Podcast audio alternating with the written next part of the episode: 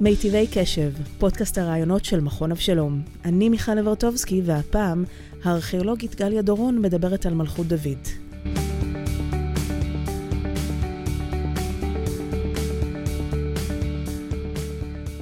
אנחנו נדבר היום על דוד המלך, והשאלה המתבקשת שאני רוצה לשאול אותך, ההייפ, המיתוס, הוא מוצדק? מה, מה בעצם אנחנו יודעים על דוד המלך? השאלה היא כפולה, מיתוס הוא תמיד מוצדק. עצם העובדה שהמיתוס מתפתח, סימן שצריך אותו. השאלה מה היה במציאות היא שאלה אחרת לגמרי, מפני שיש לנו... בעצם המקור היחידי שמספר לנו על דוד המלך זה המקרא. והמקרא מקדיש הרבה מקום לסיפורים על דוד, ממשיכתו למלך על ידי שמואל ועד, לכל אורך מהלך חייו, עד מותו בגיל מופלג. וללא ספק התנ"ך מציג אותו כבונה הממלכה, כמי שהאל אה, בוחר בו ומבטיח את קיומה של השושלת שלו לנצח נצחים. ולמרות שהתנ"ך מספר לנו גם דברים טובים וגם דברים רעים עליו, לפחות החלק הראשון של הסיפור על דוד הוא, הוא חלק שמספר על uh, התעצמות פוליטית, החל ב, בראשית דרכו כשהוא הורג את גוליית בעצם תחת שלטונו של שאול, וכלה בעובדה שהתנ"ך בעצם מתאר לנו בנייה של ממלכה אדירה, שהוא כובש את כל הארצות השכנות, מקים אימפריה שחולשת לא רק על ארץ ישראל, להוציא מישור החוף, אלא גם את עבר הירדן המזרחי ועד מעבר לדמשק ועד אה, נחל מצרים, זאת אומרת אימפריה ענקית. וכינון של ממלכה מאורגנת עם גביית מיסים וסופרים וצבא קבע, זאת אומרת, הוא למעשה מכונן הממלכה. אמ, איך הוא התחיל? זאת אומרת, כאשר הוא לקח את, ה, את המושכות משאול המלך, מה היה גודל הממלכה ו...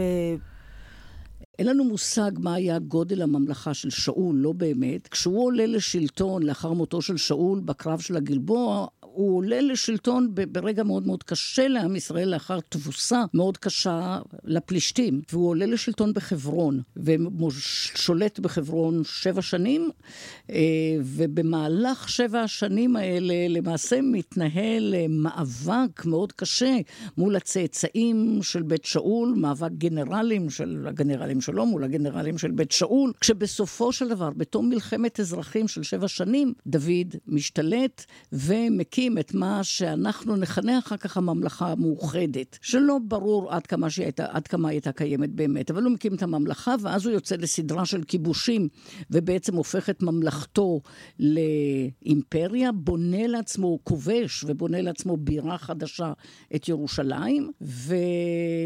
רק מאוחר יותר, לאחר שהאל מניח לו מכל אויביו סביב, הוא בונה לעצמו את המערכת המנהלית שדרושה לארגון של ממלכה ואימפריה, ואז הוא מתפנה למעשים פחות נעים, כמו למשל... אה, ענייני בת שבע וניאוף ורצח, ו...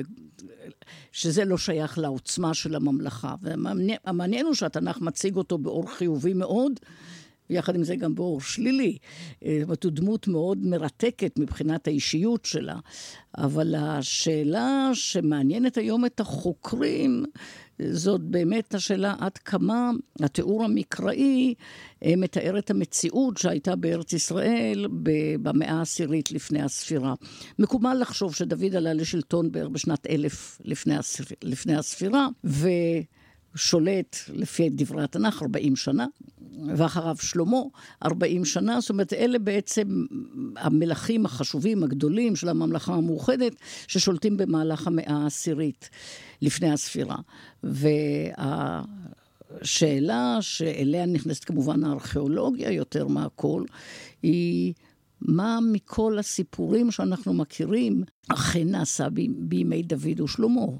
מה הייתה בעוצמתה הריאלית של ממלכת יהודה? זאת שאלה גדולה, ויש עליה הרבה מאוד מחלוקות והרבה מאוד ויכוחים.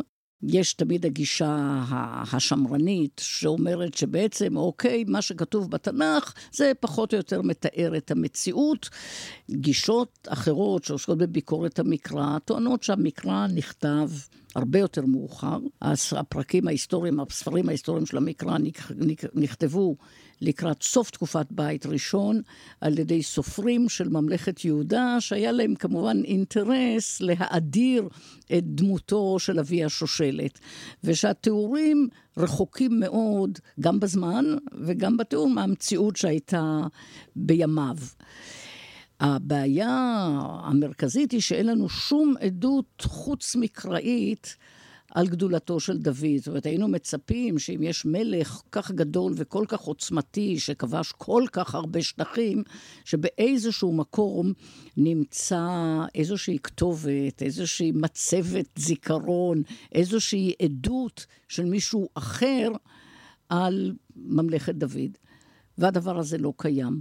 העדות החוץ-מקראית היחידה על קיומה של שושלת בית דוד, זאת עדות שנמצאה בתל דן, שזמנה מאוחר יותר, זמנה אמצע המאה התשיעית.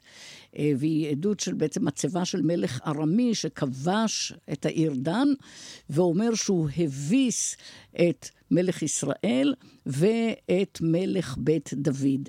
והשימוש בביטוי הזה, מלך בית דוד, אומר בעצם שזהו שם השושלת, שמוכרת אז וידועה אז, אבל זה הרבה יותר מאוחר, זה לפחות 150 שנה אחרי ימיו של דוד. וזה עדיין לא מסביר, זה, זה אומר, היה פעם ויכוח אם בכלל הייתה מלכות דוד, אז היום אין ספק, היה, הייתה שושלת ששמה היה דו, בית דוד. השאלה מה הייתה עוצמתה.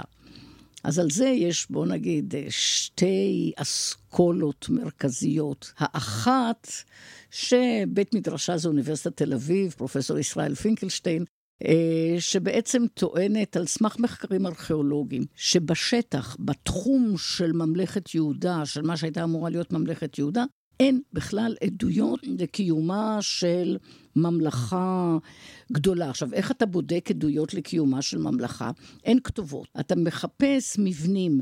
ממלכה בהיותה ממלכה, בונה מה שנקרא בנייה מונומנטלית. היא צריכה לבנות מקדשים, ארמונות, ביצורים, כדי שהיא תהיה ממלכה. עכשיו, נכון להיום, או לפחות בירושלים, לא נמצאו עדויות, כמעט ולא נמצאו עדויות לתקופה הזאת. עכשיו, ירושלים מאוד בעייתית מבחינה ארכיאולוגית, בגלל ריבוי חפירות והעובדה שהעיר חיים בה לכל אורך התקופות. העדויות הבולטות לתקופת בית ראשון בירושלים הם מרגע החורבן של בית ראשון, מרגע החורבן, החורבן על ידי הבבלים ב-586. מימי דוד קשה מאוד להצביע על איזה שהם מבנים ציבוריים. יש מבנה אחד שאולי, קיר אחד שאולי שייך לאותה תקופה. אז מחפשים מחוץ לירושלים. לפחות על פי הממצאים בירושלים ובאזור יהודה, התפתחה הגישה שאומרת שבעצם ממלכת דוד הייתה אולי ממלכה, אבל משהו קטנטן, ודוד היה איזה צ'יף של uh, חבורה שהתיישבה באזור של הרי יהודה. לפני כמה שנים התגלתה, התגלה באמת גילוי מאוד מאוד אה, משמעותי באתר שנקרא חורבת קייפה, אה, שזה אתר בעמק האלה, אה, ושם מסתבר שעל גרבי גבעה יש אתר מבוצר, עם חומת סוגרים, עם בנייה, עם חפצים מקודשים, והאתר הזה מעיד שבנתה אותו ממלכה, רק ממלכה יכולה לבנות אתר מבוצר. על הגבול שבין המגע, על גבול המגע שבין הפלישתים לעם ישראל, בעמק האלה. קרוב מאוד למקום שבו קודם לכן דוד אה, אה, ניצח את גוליית. והאתר הזה שהתגלה על ידי פרופסור גרפינקל מהאוניברסיטה העברית, מעיד מעל לכל ספק שזהו אתר של המאה העשירית, נמצאו שם אה, חרצני זיתים שעברו בדיקות פחמן 14, התאריך הוא ברור לגמרי, נמצאו שם עוד סממנים של יישוב ששייך לעם ישראל, למשל היעדר עצמות חזיר, שמסמן בדרך כלל יישובים גם מסמן יישובים ישראלים, ולת... דעת פרופסור גרפינקל, אה, האתר הזה מוכיח מעל לכל ספק שבמאה העשירית יש ממלכה שבונה אתרים מבוצרים בגבולות שלה, מה שהופך את ממלכת דוד למשהו ריאלי הרבה יותר ממה שחשבו עליו קודם. זה שזה מוכיח שזה ממלכה זה נחמד, אבל זה בהכרח מוכיח שזה ממלכת דוד? אה, זה ויכוח, על כך הוויכוח היום. אין ויכוח שהאתר הוא אתר ממלכתי, מבוצר, מן המאה העשירית. מתנגדיו של פרופסור גרפינקל טוענים שהוא לא ישראלי, לא בהכרח. כי הוא יכול להיות כנעני, יש עדיין כנענים באזור, הוא יכול להיות פלישתי, יש עדויות לכאן ולכאן. הרבה פעמים הדעה של הארכיאולוגים מושפעת מתפיסת עולמם. אז הוויכוח קיים. אה, רק השבוע התפרסם בעיתונות שפרופסור גרפינקל גילה אתר נוסף על יד קריית גת, שהוא מזהה עם ציקלג המקראית, זוהי אותה עיר שדוד, כשהוא ברח משאול והיה תחת שלטונו של אחיש מלך גת, קיבל את העיר ציקלג, שעד היום לא ידעו איפה היא. גם היום כבר יש ויכוח, מפני שלפי הסיפור המקראי, העיר ציקלג היא יותר בנגב, היא לא באזור של קריית גת, היא דרומה יותר. אז גם זה עדיין לא ברור, זה חדש, זה התגלה לאחרונה, אבל הוויכוח יימשך. והסוגיה הזאת, מה מציאות? ומה קרה באמת, ומה היה באמת, ואיך התפתח המיתוס, זה, זה מה שמעניין, ובסופו של דבר אנחנו חיים את המיתוס. בקשר לכיתוב, אמ, את אומרת שיש רק עדות אחת שנמצאת בתל דן, שבה כתוב בית דוד. אני רוצה לשאול לגבי רמת האוריינות באותה תקופה. השאלה של האוריינות היא אחת משאלות היסוד של חקר התקופה הזאת, מפני שאין לנו עדויות כתובות להוציא הכתובת הזאת. יש לנו כמה, מעט מאוד טקסטים כתובים מתקופת בית ראשון. יש הכתובת מתל גזר, יש כמה אוסטרקונים. ככל שאנחנו מתקדמים עם הזמן, יש לנו יותר טקסטים כתובים, אבל מעט מאוד. והשאלה היא, האם כתבו והטקסטים לא שרדו? למשל, אם כתבו על פפירוס, שזה היה חומר הכתיבה הנפוץ באותם הימים, פפירוס לא, משת... הוא משתמר במצרים, הוא לא משתמר באקלים הלך של ארץ ישראל. מצאו אוסטרקונים, שזה חתיכות חרס, שזה החומר הכתיבה הכי זול, זה חתיכת חרס שבור שעליו כתבו בדיו. רובם ככולם מתקופה יותר מאוחרת. בקייפה מצאו שני אוסטרקונים כתובים בשפה שהיא על הגבול בין אה, כנענית לעברית עתיקה. וקשה מאוד לפענח אותם. זאת אומרת, יש, הייתי אומרת שיש מעט מאוד, כמעט ואין חומר כתוב, וזה מעורר את השאלה האם באמת מתי נכתבה ההיסטוריה. האם, למשל, כשכתבו את התנ"ך בסוף תקופת בית ראשון, היו אה, בידי הכותבים טקסטים קדומים שעבדו בינתיים, אבל היו להם, או שהם המציאו והם הסתמכו על מסורות שעברו בעל פה. ממלכה, אגב, חייבת להיות אוריינית, היא חייבת לקיים ביורוקרטיה, צריך לדעת קרוא וכתוב. אז אם את כבר מעלה את הנושא הזה, אני רוצה לברר איתך מה האינטרס שלהם לפאר את שמו. הם לא מפארים את שמו. או הם... אה, מי, את מתכוונת כותבי קי... התנ"ך? כותבי התנ"ך, הרי יש כאן סיפור שהוא מאוד משמעותי. את אומרת על מישהו שכנראה היה פשוט צ'יף. מהו האינטרס לפאר את שמו ולהגדיל אותו ולספר את הסיפורים האלה עבור עם ישראל, או okay. אוקיי. עבור עמים אחרים, האם זה... אז זה, ז, ז, זאת שאלה להפחיד? מאוד מעניינת. הם רצו להראות, אני חושבת שהשושלת המלכותית של ממלכת יהודה היא קודם כל שושלת עתיקת יומין, שיש לה היסטוריה ארוכה מאוד, ובעיקר שיש לה הבטחה לנצח. והם פארו את הטקסט כנראה נכתב בחלקו הגדול בימיו של יאשיהו מלך יהודה, שמוצג כדוד החדש. והיה להם אינטרס, היה, זאת הייתה הדרך להלל ולשבח ולפאר את השושלת. ולהצדיק את קיומה ולהצדיק את התפיסה, אולי המשיחית, שהיא תתקיים לנצח, ועובדה שאנחנו מחכים שמשיח בן דוד עוד יגיע. ומה הביא אותו להעביר את הבירה מחברון עיר האבות. אז זאת שאלה מאוד מעניינת. אל ירושלים, שכידוע יושבת על הר, מקורות המים אה, אינם רבים, אינה חולשת על דרכים עיקריות. זה לא העיר האידיאלית לממלכה. לא, אבל היו לה כמה יתרונות.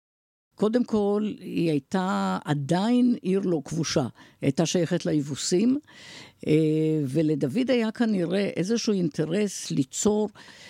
הנוהג שמלך חדש של שושלת חדשה יוצר לעצמו בירה חדשה, היה מאוד מקובל במזרח הקדום. מלך חדש, שושלת חדשה, מקימים בירה חדשה. עכשיו, הוא רוצה לאחד את כל עם ישראל, הוא רוצה לאחד את בית שאול.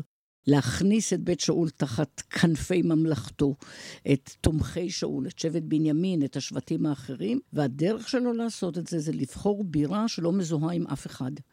זאת בירה שלא שייכת לעם ישראל. יושבים שם יבוסים, הוא כובש אותה, ובעצם אה, מקים שם את בירתו, שלא תהיה מזוהה עם אף שבט, בוודאי לא עם שבט יהודה, כי הוא נותן עדיפות לשבט יהודה, אם הוא היה נשאר בחברון, האחרים לא היו הולכים אחריו. אז הוא יוצר איזשהו מעמד ניטרלי לירושלים, היא גם קצת יותר צפונית, למרות שמבחינה גיאוגרפית הוא היה צריך למצוא לעצמו עיר אה, במרכז הארץ ולא בדר... לא, לא כל כך דרומית. מהם השפעות המיתוס של דוד על ימינו אנו, או... זו שאלה גדולה מדי. אה, זאת שאלה גדולה, ויחד עם זה אני אגיד שעצם העובדה שיש התעניינות כל כך רבה, וכל כך הרבה חוקרים עוסקים בשאלה הזאת, אה, מבחינה מסוימת זה הקושאן שלנו על ארץ ישראל, זה הצורך שלנו להראות שהייתה פה ממלכה גדולה וחזקה ורצינית עוד במאה העשירית לפני הספירה. והצורך הזה, אני חושבת שהוא צורך אה, קיומי שלנו אולי, פוליטי בוודאי, ולכן כל ביקורת על התפיסה הזאת, או כל ערעור על התפיסה הזאת, מעורר הרבה מאוד התנגדויות. אז זה צור... מסתבר שאנחנו צריכים את המיתוס הזה עד היום. זאת הייתה גליה דורון, שדיברה איתנו על מלכות דוד. אם אהבתם את גליה, תוכלו לשמוע אותה במגוון הקורסים של מכון אבשלום. לעוד רעיונות מרתקים עם מרצה המכון, תוכלו לפנות ישירות לאתר של מכון אבשלום. פשוט תקלידו מכון אבשלום בגוגל. אנחנו התוצאה הראשונה, אני מבטיחה. תודה לגליה, לצוות המכון ומכללת BPM, אני מיכל אברטובסקי. ניפגש במכון.